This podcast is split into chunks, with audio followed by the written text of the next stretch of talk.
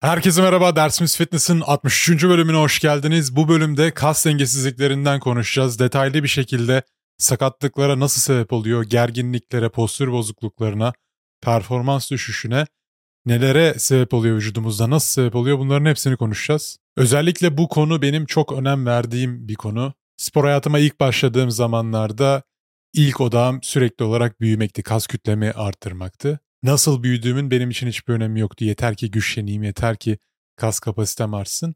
Çok sonradan artık bu vücudumun sağ sol arasındaki denge, üst alt arasındaki orantı, kas dengesizlikleri, postürüm nasıl vesaire bu farkındalıklar çok sonradan geldi. Sadece benim için değil genel olarak spor salonunda antrenman yapan herkes için bunun böyle olduğunu gözlemliyorum zaten. Hepimiz spora dış görünüşümüzü iyileştirmek amacıyla başlıyoruz öncelikle.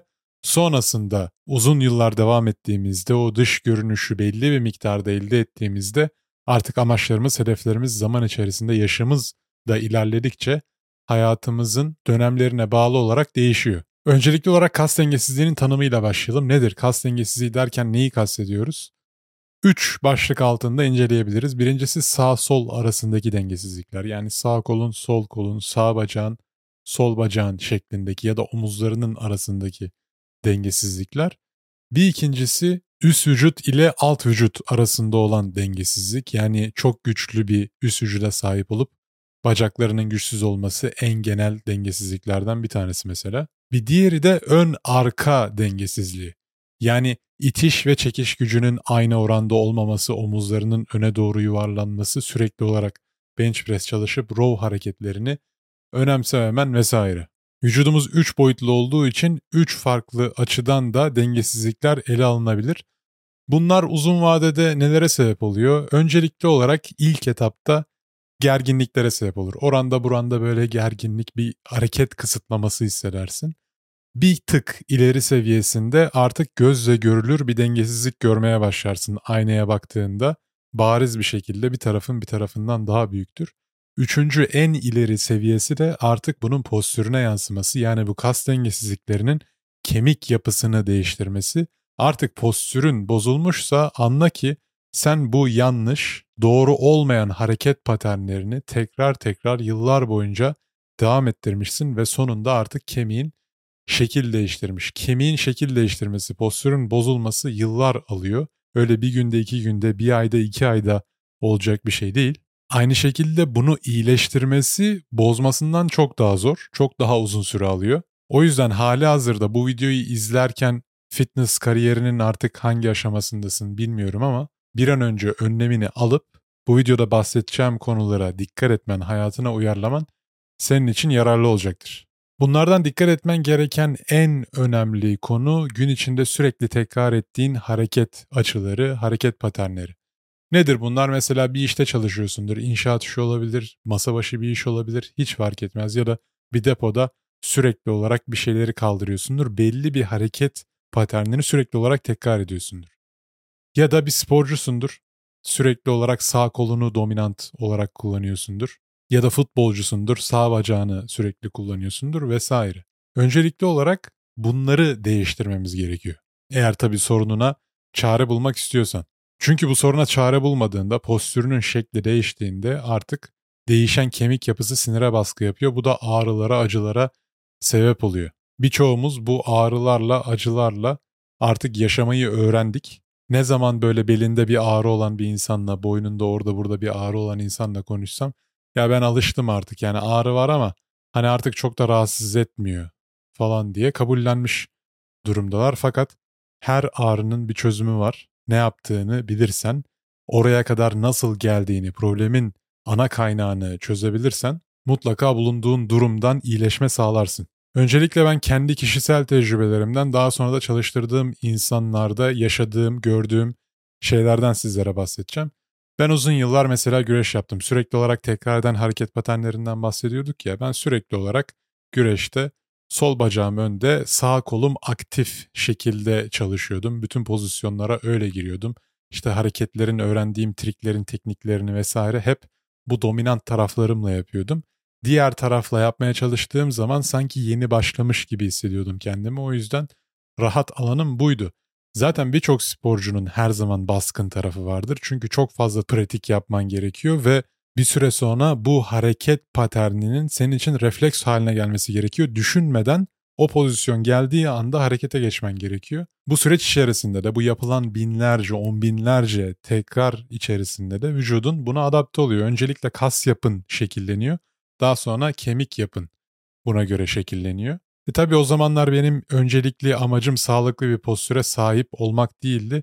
Sağlıklı bir postür ne demek? Hani onun hakkında bile çok bir bilgim yoktu. İşte dik duruyorsun tamam sağlıklı bir postürün var vesaire gibi düşünüyordum. Tek amacım maç kazanmaktı. İşte performansımı arttırmaktı, daha ağır kaldırmaktı vesaire. Ama bunları kovaladığın zaman hali hazırda vücudunun nasıl hareket ettiğinin farkında olmadığın zaman ihtiyacı olan şeyi de veremiyorsun. Gergin kaslarının farkında değilsin, zayıf kaslarının farkında değilsin. Uzun vadede daha ağır kaldırmaya zorlandıkça güçlü taraf her zaman yükü daha fazla devralıyor. Zayıf taraf gittikçe zayıflıyor. Güçlü taraf gittikçe güçleniyor ve de uzun vadede mutlaka sakatlıklara sebebiyet veriyor. Sen sakatlanınca zannediyorsun ki o hareket seni sakatladı. Hayır o hareket sadece buzdağının görünen yüzü. Görünmeyen yüzünde senin o konuma gelene kadar yaptığın, geliştirmiş olduğun yanlış hareket alışkanlıkları, refleksler mevcut. İşte mesela sen denizde taş sektirirken sakatlanmıyorsun. O omzunun stabilitesini yeterince aktive edemediğin için, güçlendiremediğin için o kemik sokette sağlam bir şekilde duramadığı için, onu çevreleyen kaslar yeteri kadar güçlü olmadığı için herhangi bir patlayıcı hareket yaptığında, kontrolsüz bir hareket yaptığında kaslarını istediğin şekilde yönlendiremiyorsun tabiri caizse. Güç üretebiliyorsun ama o gücü nasıl yavaşlatabileceğini, kontrol edebileceğini bilmiyorsun. Sprinterlardan bahsetmiştim geçen bölümlerde. Quadricepsleri çok güçlü yani ön bacakları çok güçlü dolayısıyla tork üretebiliyor hızlı bir şekilde koşabiliyor ama arka bacakları zayıf olduğunda fren mekanizması gören kaslar güçsüz dolayısıyla hamstringlerinden çok fazla sakatlanıyor depar atan sporcular. Ya da aynı şekilde aşil tendonundan patlak veriyor voleybolcular sürekli olarak zıpladıkları için. Ya da bunda kadın erkek çeşitliliği de önemli. Senin anatomik yapın da önemli. Herkesin kemik yapısı bir değil. Kadınlarda mesela kalçaları daha geniş. Kalça daha geniş olduğu zaman sakatlıkların çok büyük bir kısmı dizden kaynaklanıyor. Çünkü kalça geniş olduğunda dizlere doğru kemik yapısı daralıyor. Ayaklara doğru indikçe daha da daralıyor. Sen bilinçli bir şekilde dizlerini olması gereken pozisyonlarda konumlandırmazsan, squat deadlift yaparken ya da herhangi bir sporu yapıyorken, atlıyorken, zıplıyorken, voleybol oynuyorken mutlaka dizlerini sakatlayacaksın. Zaten dizlerinin eklem yapısına baktığın zaman sadece öne geriye katlanabilir bir eklem, oynar bir eklem değil. Sağa sola oynamak için dizayn edilmiş bir eklem değil. Zaten anatomiye baktığın zaman da yanda iki tane güçlü tendon var ve içeride çapraz şekilde çapraz bağlar denilen tendonlar var. ACL ve PCL. En büyük sakatlıklar, en fazla sakatlıklar zaten buradan gerçekleşiyor. Özellikle kadınlarda bu yüzden kalça kaslarının çok güçlü olması gerekiyor. Çünkü dize yön veren aslında eklem ve kas kalça kasları ve kalça eklemi.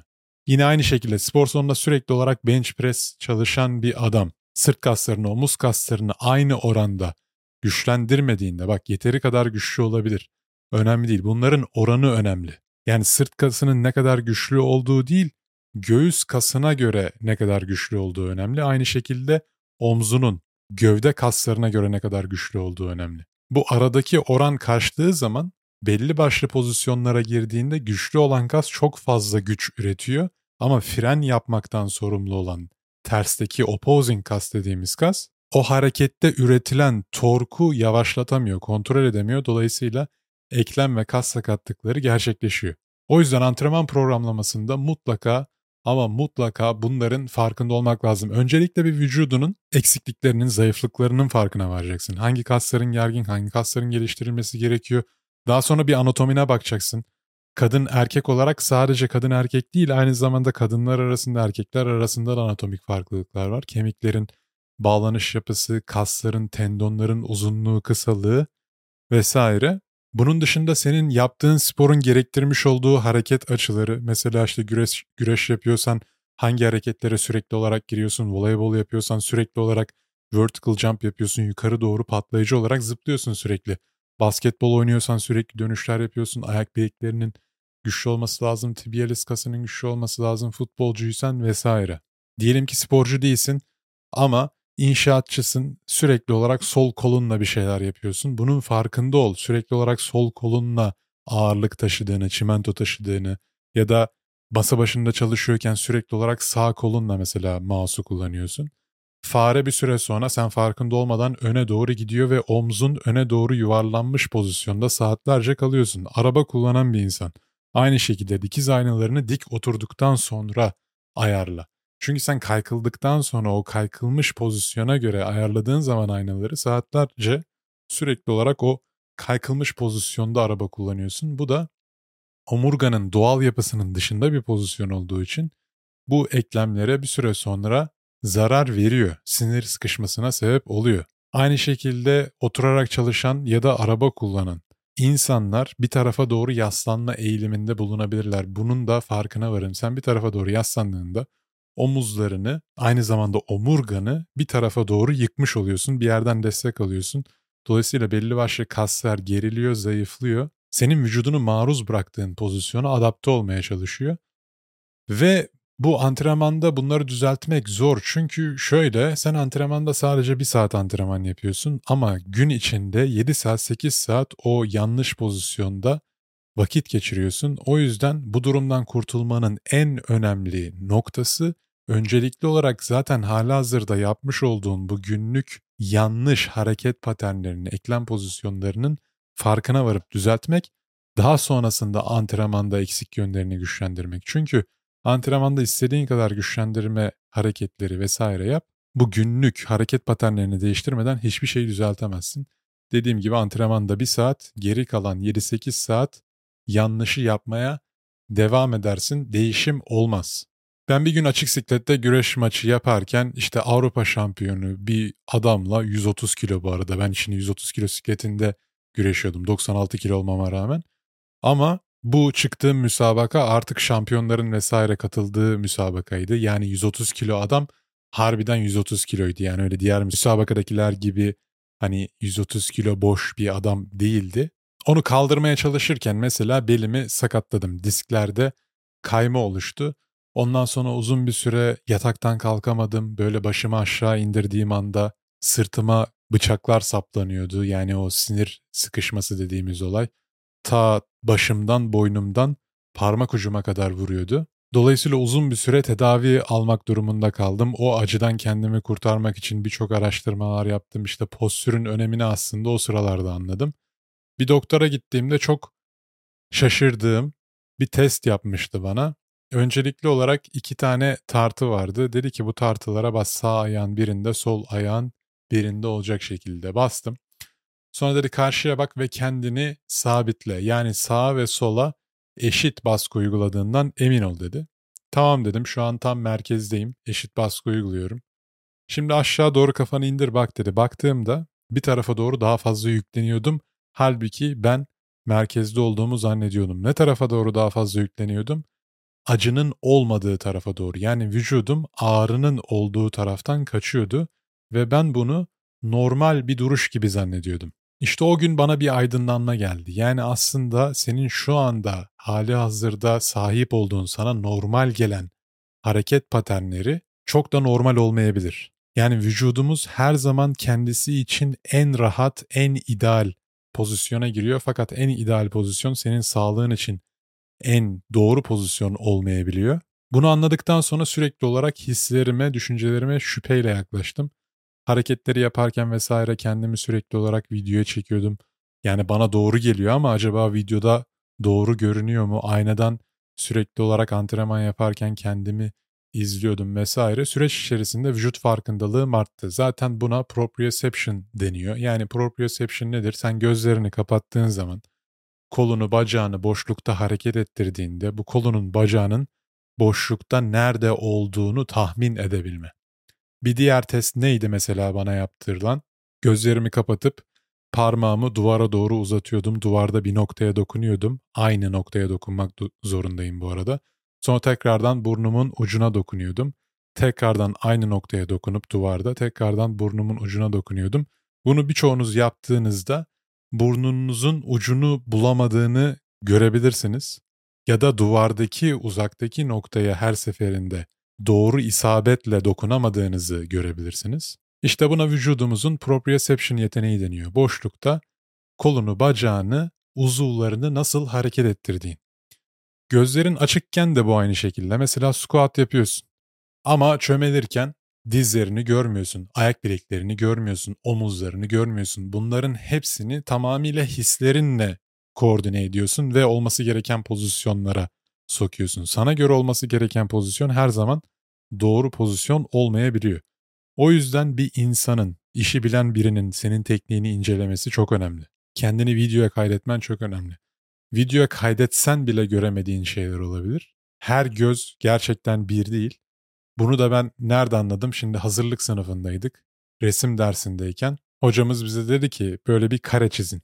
İstediğiniz ekipmanı kullanabilirsin. Yani cetvel kullanabilirsin, gönye kullanabilirsin. Artık ne kullanıyorsan kullan. Bütün ekipmanlardan faydalanabilirsin.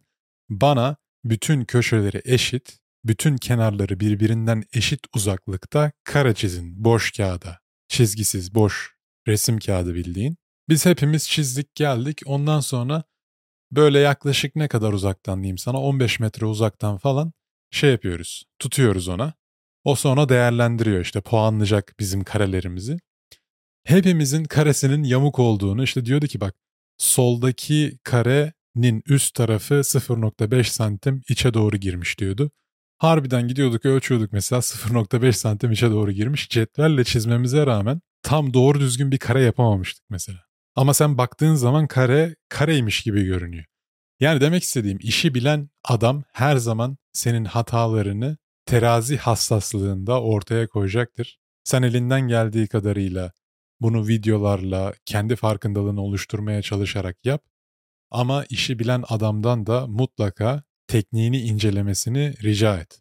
Ben bugün artık bu konuda o kadar hani iyi olduğumu düşünüyorum ki çünkü yaşadığım kendi sakatlıklardan dolayı, tecrübelerden vesaire dolayı çalıştırdığım onlarca insan, hikaye vesaire artık hani belli bir data oluştu beynimde. Bir insanı görür görmez hani yürüyüşünden ilk başta yeni bir üye geldiğinde onun değerlendirmesini yapıyoruz. Ondan sonra işte ona personal training satmaya çalışıyorum falan.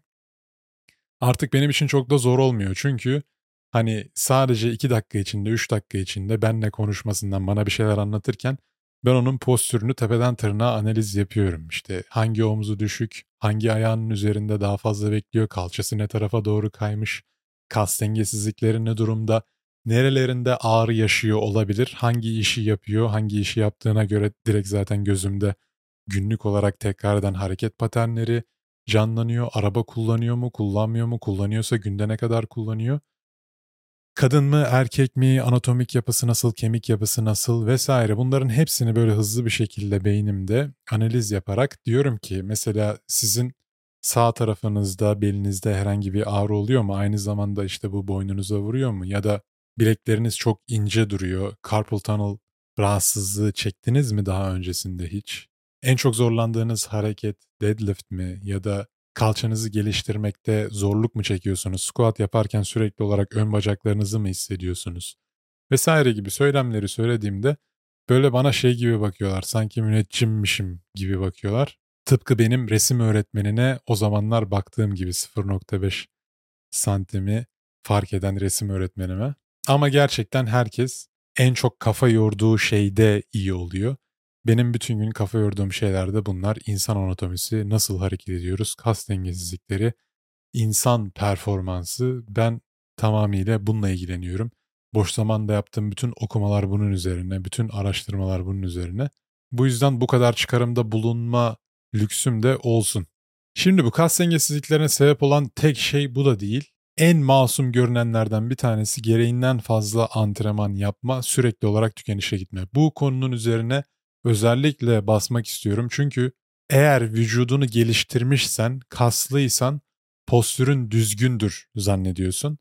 Bu yanlış. Spor salonunda gördüğünüz birçok kaslı insanın postürü normal insanlardan daha bozuk. Sadece kas kütlesiyle çevrili olduğu için o kemiğin yapısını göremiyorsun. Bir MRI ya da X-ray makinesiyle baktığında omurgalarının, omuzlarının, kalçalarının mutlaka ama mutlaka birçoğunun yamuk olduğunu göreceksin. Özellikle de sürekli olarak ağır kiloları zorlayanlar, sürekli olarak tükenişe gidenler, insan anatomisinden bir haber olanlar. Ya ben de zamanında bu yollardan geçtiğim için anlayabiliyorum. Hani bu insanları yargılamıyorum. Sadece bu pozisyonda olan insanlarda böyle gereksiz bir ego oluyor. Yani her şeyi biliyorum egosu. Özellikle de sadece fitness yaparak o vücudu inşa etmişse, herhangi bir spor branşıyla uğraşmamışsa o mütevazilik gerçekten oluşmuyor. Çünkü fitness'ta sürekli olarak aynalar rakibin. Yani herhangi bir insan tarafından yenilmiyorsun ya da fiziksel olarak bir müdahaleye maruz kalmıyorsun.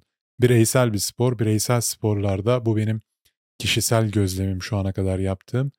O egoyu büyütme olayı çok daha fazla gerçekleşiyor.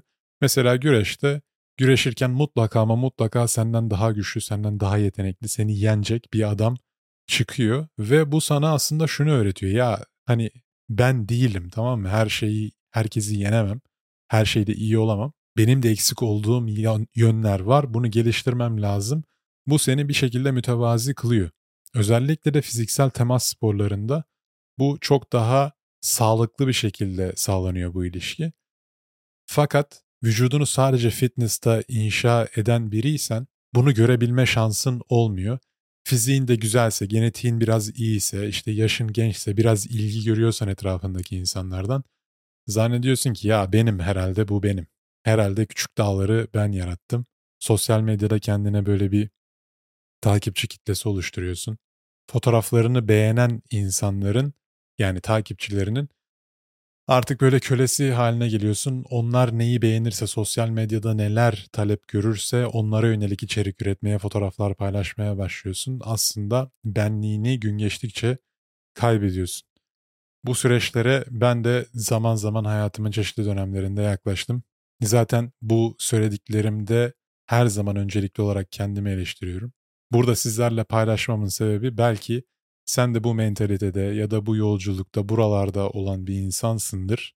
Belki bir farkındalık oluşur yol yakınken sen de dönersin diye paylaşıyorum. Her zaman şunu unutma senin tek başına ne kadar iyi olduğunun hiçbir önemi yok. Etrafındaki insanlara ne kadar faydalı olduğunun bir önemi var.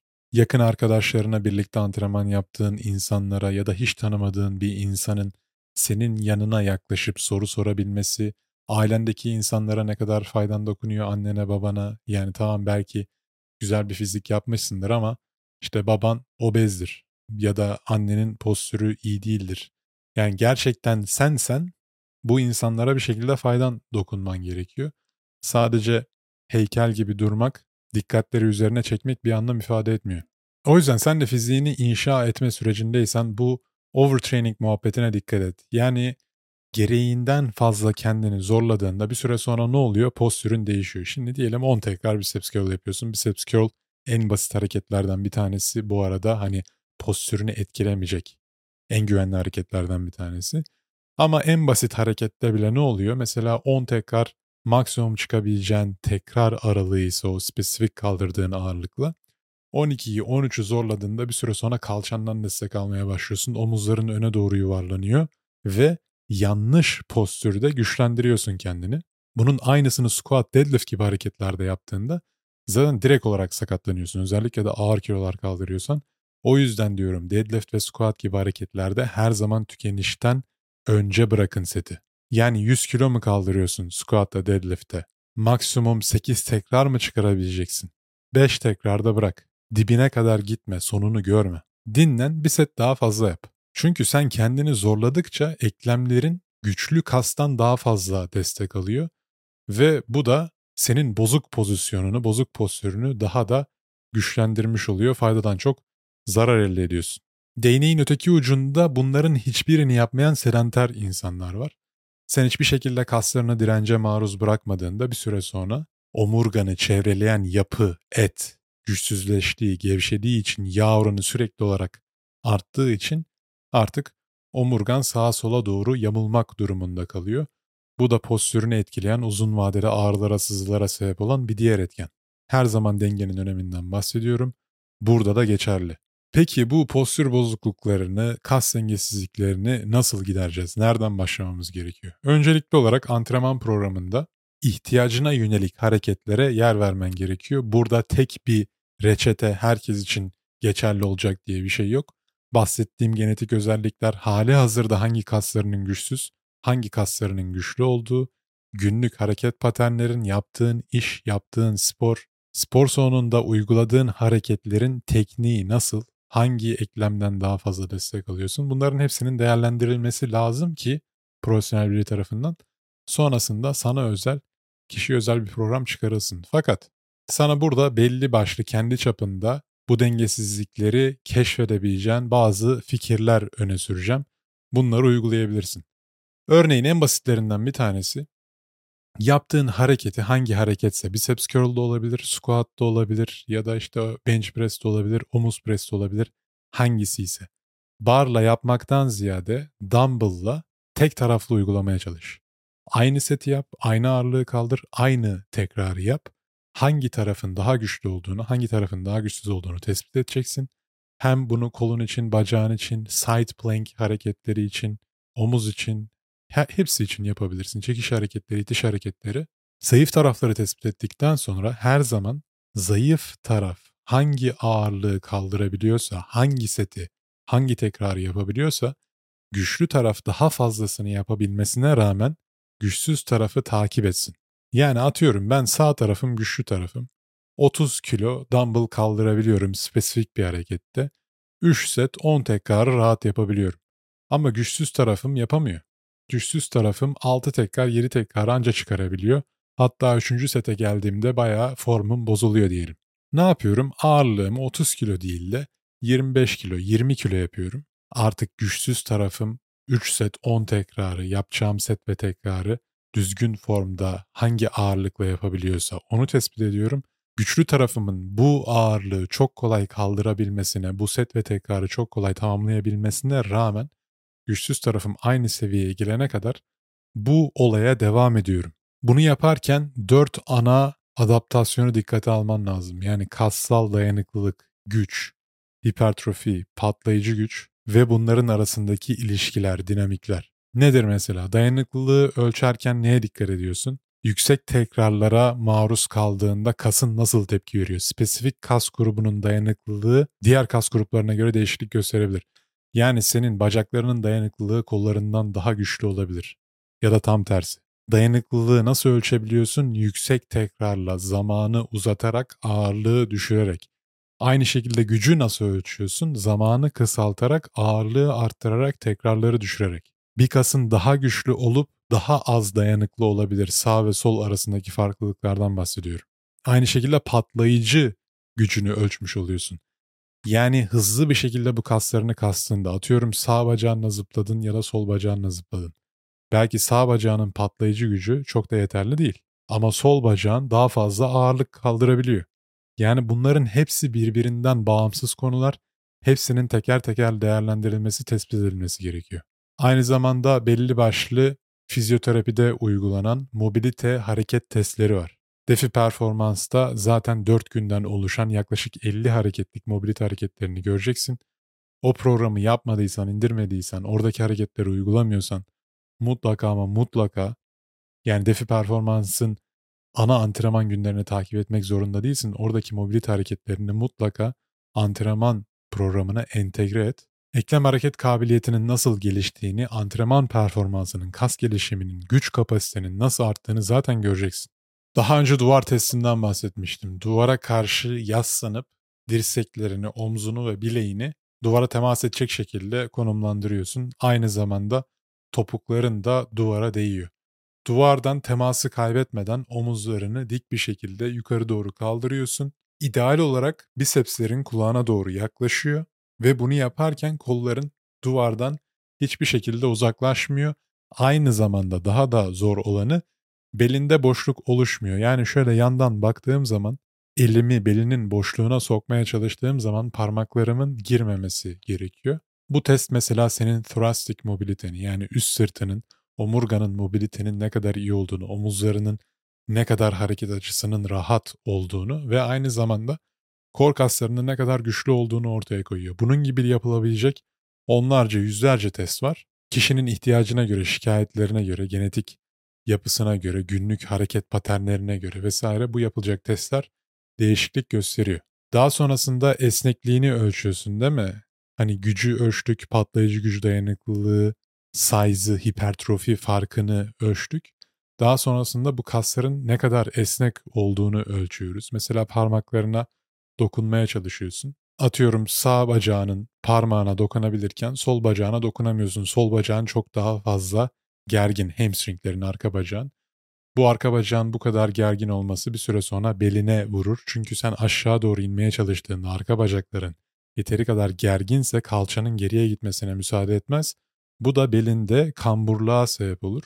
Yani uzun vadede özellikle de ağır vesaire bir şey kaldıracağın zaman yerden omurganda aşınmalara, disk sıkışmalarına, kaymalarına sebebiyet verir. Ve en önemlilerinden bir tanesi de pasif postür analizi. Yani sen hiçbir şey yapmıyorken, böyle dik durmaya çalışmıyorken, gün içinde 7-24 nasıl dolanıyorsan sen farkında olmadan bu duruşta duruyorken postürünün analizini yapmak. Çünkü sen herhangi bir efor sarf etmeden nasıl durduğun, hangi kaslarının güçlü olduğunu, gergin olduğunu gün gibi ortaya koyuyor bakan, anlayan göz tarafından. O yüzden ben zaten postür analizini kişiyle ilk tanıştığım andan itibaren beynimde yapmaya başlıyorum. Çünkü ben ona analiz yapıyorum dediğimde hemen şöyle bir düzgün pozisyona geliyor. Ben bu pozisyona gelmeden gün içinde 7-24 nasıl hareket ettiğini öncelikle tespit etmem gerekiyor. Bunun için de ben bu tespiti yaparken onun farkında olmaması gerekiyor. Peki bu dengesizlikleri gidermek neden önemli? Öncelikli olarak postür sağlığın ve kronik ağrılarından kurtulmak için. İkinci olarak bu performansını kesinlikle etkileyecektir. Hangi performansını arttırmak istiyorsan güç, dayanıklılık, hipertrofi, kas kapasitesi, yağ yakımı, genel olarak ağrılarından kurtulma hangisini dersen de vücudunu yeniden rekalibre ettiğinde yani sıfırlama ayarlarına geri döndürdüğünde bunların hepsi pozitif anlamda gelişme gösterecektir. Zaten her zaman söylüyorum sen bir ağırlığı itiyorken ya da çekiyorken iki kolun var iki bacağın var. Artık hangi hareketi yaptığına göre değişir. Hiç fark etmez. Squat, bench press, omuz press neyse. Eğer bir taraf ağırlığı daha fazla itiyor ya da çekiyorsa yaptığın harekete bağlı olarak o ağırlığı hareket ettirmedeki performansın düşüşe geçer. Yani ne demek istiyorum? Mesela bench press yapıyoruz. Bench press yaparken benim sağ kolum %52 efor sarf ediyor, ağırlığı ittiriyor. Sol kolum %48. Yani bir kolum biraz daha fazla yükü devralıyor. Ne oluyor? Bu hafif sapma barda da sapmaya sebep oluyor. Dolayısıyla benim bu kaldıracağım ağırlığın performansını etkiler. Sen bunu eşitleyebilirsen %50-50 güç uygulayabilirsen bu harekette kesinlikle kaldırdığın ağırlık artacaktır. Kaldırdığın ağırlık arttığında zaten kas kapasiten direkt olarak değişecektir. Ama şimdi hali hazırda böyle dengesizliklere sahipken barla antrenman yapmak çok da mantıklı değil. O yüzden dumbbell'la tek taraflı antrenmanları, hareketleri antrenman programına eklemek çok daha mantıklı olacaktır. Bir diğeri vücudumuzun her zaman üç boyutlu olduğundan bahsediyorum. Tek düzlemde sagittal plane'de yaptığın hareketlerden ziyade rotasyon hareketlerine ya da frontal plane'de sağa sola hareket ederek yaptığın hareketlere programında yer vermek önemli. Defi performansta bu hareketler mevcut. Yani kendini yeniden rekalibre etmek istiyorsan defi performans mutlaka ama mutlaka yılda bir kez yapılması gereken bir antrenman programı her seferinde dile getiriyorum. Özellikle de oradaki mobilite hareketleri. En önemlilerinden bir tanesi antrenmandan sonra nasıl hissettiğin. Antrenmandan sonra şöyle bir kendine kulak ver. Hangi kasların daha fazla sor hissediyor, hangi kasların daha fazla gergin hissediyor, ekleminde ağrı hissediyor musun? Bir tarafta daha mı yoğun oluyor? Bunları gözlemle çünkü bunlar aslında senin vücudunda hangi tarafı daha baskın kullandığın hakkında sana bilgi veriyor. Sürekli olarak mesela deadlift squat yapan bir adamın eklemi sürekli olarak kompres oluyor değil mi? Omurgası sürekli olarak bir ağırlık tarafından baskı görüyor. Dolayısıyla senin barda asılman mesela iyi olacaktır. Bu eklemlerin hareket kabiliyetini biraz daha geliştirmek, bu baskıyı üzerinden almak, omurgayı çevreleyen kasları esnetmek için.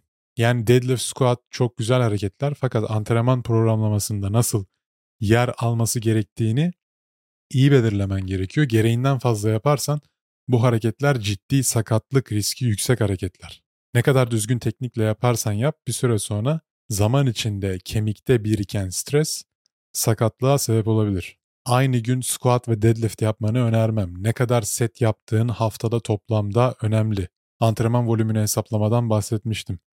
Bunların hepsine dikkat etmen gerekiyor. Belli aralıklarla bu hareketleri programından çıkarıp belli aralıklarla farklı düzlemlerdeki hareketleri uygulaman gerekiyor vesaire. En büyüklerinden bir tanesi uyku pozisyonu. Şimdi uyku pozisyonu değiştirmek gerçekten çok zor. Eğer bozuk bir uyku postürüne sahipsen yani böyle yüzüstü yatıyorsan omurganı şekilden şekile sokup o pozisyonda mesela uyuyor kalıyorsan.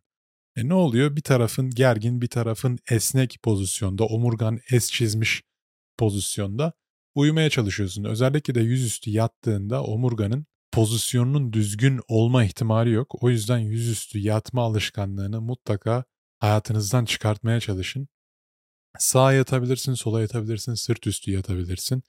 Belli başlı yastıklarla vesaire artık hangi pozisyonda rahat hissediyorsan eklemlerini kontrol edebilirsin. Mesela ben bacaklarımın arasına genelde yastık alarak uyumayı seviyorum çünkü bacakların çok fazla birbirine yaklaştığında genelde kalçada ağrıya sebep oluyor. Bazı insanlar koltuk altına mesela yastık koymayı seviyor. E tabi vücuduna da bunu alıştırman lazım. Ben uzun süre yüzüstü yatan bir insandım. Yüzüstünden sırt üstüne ya da yan taraflara dönmem çok uzun zamanımı aldı. Uyuyamıyorsun. Yani o pozisyona geçmeden vücudun uykuya geçmiyor. Ama böyle kafana vura vura bunu düzeltmen gerekiyor tabiri caizse. Kas dengesizliklerini gidermek için şu ana kadar konuştuğum her şey önem arz ediyor. Fakat bir de dikkat etmen gereken bir şey daha var. Bu da beslenmen. Sen yüksek proteinle beslenmediğin sürece o zayıf kas gruplarını güçlendiremeyeceksin. Aynı zamanda mobilite hareketlerini yaptığında ya da dinlenme günlerinde tetik antrenmanlarını vesaire yaptığında o kasa zarar vermeden kan pompaladığında kasın bakımını yapıyorsun aslında ya da dinlenme günlerine dikkat etmen gerekiyor. Soğuk sıcak uygulaması, esnemeler, masajlar, dip tişü masaj vesaire bunlara önem vermen gerekiyor. Stres seviyelerini dindirmen gerekiyor. Bu en önemlilerinden bir tanesi. Senin eğer stres seviyelerin yüksekse ne kadar iyi antrenman yaparsan yap, ne kadar beslenirsen beslen, vücudun bu maruz bıraktığın ortama adapte olamayacaktır. Ne kadar optimal seviyede olursa olsun bu antrenman ve beslenme. Eğer stresli bir hayatın varsa zaten uyku kaliten düşecektir. Sindirim kaliten düşecektir. Yani ne kadar iyi besini vücuduna sokarsan sok, ağzından giren her besini kana dahil edemiyorsun. Yani bunu şöyle düşünebilirsin. Şimdi sen ağzından içeri yemeği sokuyorsun ama ağzından girer girmez hemen vücudunun bir parçası haline gelmiyor. Sen bunu sindirdiğin zaman bu vücudun bir parçası haline geliyor. Sindirim de nerede gerçekleşiyor? Bağırsaklarda. Yani senin vücudunun içinde bir tüp, bir kanal daha var. Ağzından girdi bu birinci kanal. Fakat şu an içeride boşlukta dolaşıyor. Bir ikinci kanalda bağırsaklardan içeri girmesi gerekiyor. Sindirim, emilim dediğimiz olay bu. Dolayısıyla bunun da etkili bir şekilde gerçekleşmesi için uykunun yerinde olması gerekiyor, antrenman şiddetinin yerinde olması gerekiyor ve stres seviyelerinin ideal seviyede olması gerekiyor. Sempathetik ve parasempathetik sistemler var. Bunlar da nedir? İşte sempatik ve para sempatik sistem olarak çevriliyor yanlış hatırlamıyorsam Türkçe'ye. Nedir bunlar? Yani fight or flight. Vücudun rest and digest yani dinlenip sindirim yaptığı aşama. Parasempatik sistem Sempathetik sistemde stresli olduğu, işte antrenman yaptığı ya da bir adrenalin salgılandığı, performans göstermeye çalıştığı mod. İki tane mod var. Sen antrenman yapıyorken bu fight modunda oluyorsun. Fakat antrenmanı bitirir bitirmez bir an önce bu parasempatik moda geçmen gerekiyor ki vücudun bu hasardan toparlanabilsin. Yediklerini etkili bir şekilde sindirebil, uyku kaliten artsın. Bunları yapmak için de daha önceki bölümlerde de tekrar tekrar bahsetmiştim. Nefes antrenmanları, masaj, sevdiğin insanlarla vakit geçirme bu en büyüklerinden bir tanesi. Seni strese maruz bırakan şey neyse işin, belki sosyal ilişkilerin, o insanlardan uzak dur, kendine sınırlar yarat. Yani eve geldiğinde hala iş konuşma, hala işle uğraşma. Partnerinle bir sıkıntın varsa otur konuş, çözmeye çalış. Sevdiğin arkadaşlarınla negatif değil, sana pozitif enerji veren, seni daha da yükselten insanlarla bir araya gel. Tek başına doğada vakit geçir, yalın ayak, yere bas. Bu seni nötrleyecek, stres seviyelerini azaltacak en etkili yöntemlerden bir tanesi. Fitness'da bu bahsettiğim konu yani stres seviyelerini dindirme konusu çok fazla öneme sahip değil. Fakat bu konuya dikkat etmezsen Az önce de bahsettiğim gibi ne antrenmanın ne de beslenmenin hiçbir önemi yok. Şimdi bu zayıf kasları geliştirirken uygulaman gereken antrenman yöntemlerinden bahsettim fakat şöyle bir konuya da dikkat etmen gerekiyor. Bazı insanlar zayıf kas grubunu çok fazla hissedemiyorlar. Atıyorum bench press yapıyor. Adamın sol göğsü pump oluyor yani o kası hissedebiliyor sağ göğsü olmuyor. Ya da barla biceps curl yapıyor bir kolunu hissediyor bir kolunu hissedemiyor. Squat yapıyor bir bacağını hissediyor aynı şekilde diğerini hissedemiyor şeklinde sıkıntılar gerçekleşebilir tek taraflı antrenmanları yapıyorken izometrik kasılmalara odaklanıp yavaş kiloyla, yavaş tempoyla öncelikli olarak bu zayıf olan tarafı tespit ettikten sonra oradaki kas zihin bağlantısını güçlendirmeye çalışıyorsun. O bölgede ilk önce pump elde etmeye çalışıyorsun. 62. bölümde pump'la ilgili detaylardan bahsetmiştim. Bunu sağladığında o bölgeyi geliştirmek çok daha kolay hale gelecektir. Bir diğer bahsetmek istediğim konu özellikle kas dengesizliklerin varsa sürekli olarak koşmaya çalışma. Koşu herkesin mutlaka yapması gereken fakat herkesin yapmaya elverişli pozisyonda olmadığı bir hareket paterni. Yani senin ekstra kilon varsa daha önce koşu tekniğini pratik yapmadıysan sadece kilo vermek için tek amacın koşu bandına çıkıp ter atmak, kilo vermekse o koşu sana mutlaka faydadan çok zarar getirecektir. Koşu da diğer yaptığımız bütün hareketler gibi yetenek gerektiren bir hareket ve sen bunu patlayıcı olarak yaptığın için elini, kolunu, bacağını, tekniğini kontrol etmen çok daha fazla zorlaşıyor. Bir de kas dengesizliklerin, postür bozuklukların varsa her adımında daha güçlü tarafa yükleniyorsun. Zaten en sık duyduğum şeylerden bir tanesi koşarken diz sakatlıkları ya da kalça sakatlıkları. Bunların olmasının en büyük sebeplerinden bir tanesi de uzun vadede bu oluyor. Aynı zamanda kendini tükenişe götürüyorsun. Yani koşarken yoruluyorsun. Sen yoruldukça kasların tükenişe ulaşıyor, laktik asit birikiyor, formun bozuluyor. Düzgün formla başlasan bile bir süre sonra bozuluyor. Yani koşu mutlaka hepimizin hayatına entegre etmesi gereken bir yetenek.